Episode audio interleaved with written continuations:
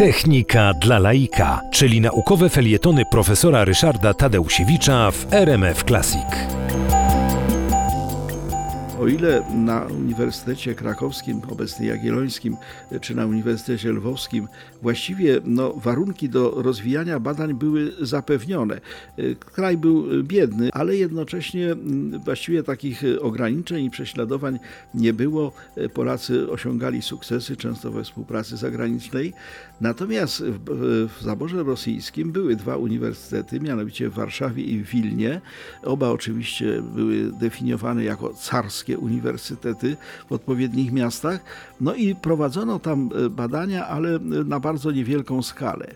W Warszawie e, Karol Skrocki, taka postać właściwie najbardziej wybitna, jeżeli chodzi o fizykę, a w szczególności fizykę związaną z badaniami elektryczności, pisał w 1821 roku w pamiętnikach Warszawskiego Towarzystwa Przyjaciół Nauk takie dwa artykuły. Pierwszy nazywał się trochę myląco o trąbie powietrznej, ale to o zjawiskach elektrycznych bardzo dużo było mowy. Chodziło o e, burze i wyładowania atmosferyczne.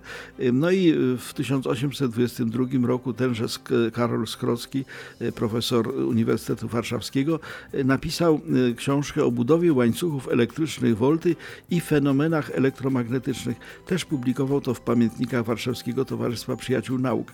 Nie były to wybitne dzieła, no niemniej jednak jako jedyne dają się w tym czasie odnotować i zauważyć właśnie w Warszawie. Nieco lepsza sytuacja była w Wilnie, gdzie Stefan Stubilewicz wydał taki podręcznik, zbiór krótki postępów fizyki. I były tam y, y, trzy rozdziały o elektryczności, o galwanizmie i o magnetyzmie, no czyli właściwie były to fundamenty elektrotechniki. Y, miało to miejsce w 1816 roku. Warto zapamiętać ten rok, dlatego że w 1815 roku, rok wcześniej, na Uniwersytet e, Wileński został przyjęty Adam Mickiewicz i poeta podjął wtedy studia na Wydziale Nauk Fizycznych i Matematycznych. Mało kto wie, że on nie studiował literatury, nie studiował filozofii, nie studiował socjologii, studiował nauki fizyczne i matematyczne i zapewne uczył się z tego podręcznika Stefana Stubilewicza e, na temat e, galwanizmu, magnetyzmu i innych zagadnień elektrycznych. Również też y, na Uniwersytecie Wileńskim działał y, Felix Drzewiński, to był y, następca Stefana Stubilewicza na jego katedrze, który wydał podręcznik pod dość znamiennym tytułem Kurs roczny fizyki eksperymentalnej w Carskim Uniwersytecie Wileńskim.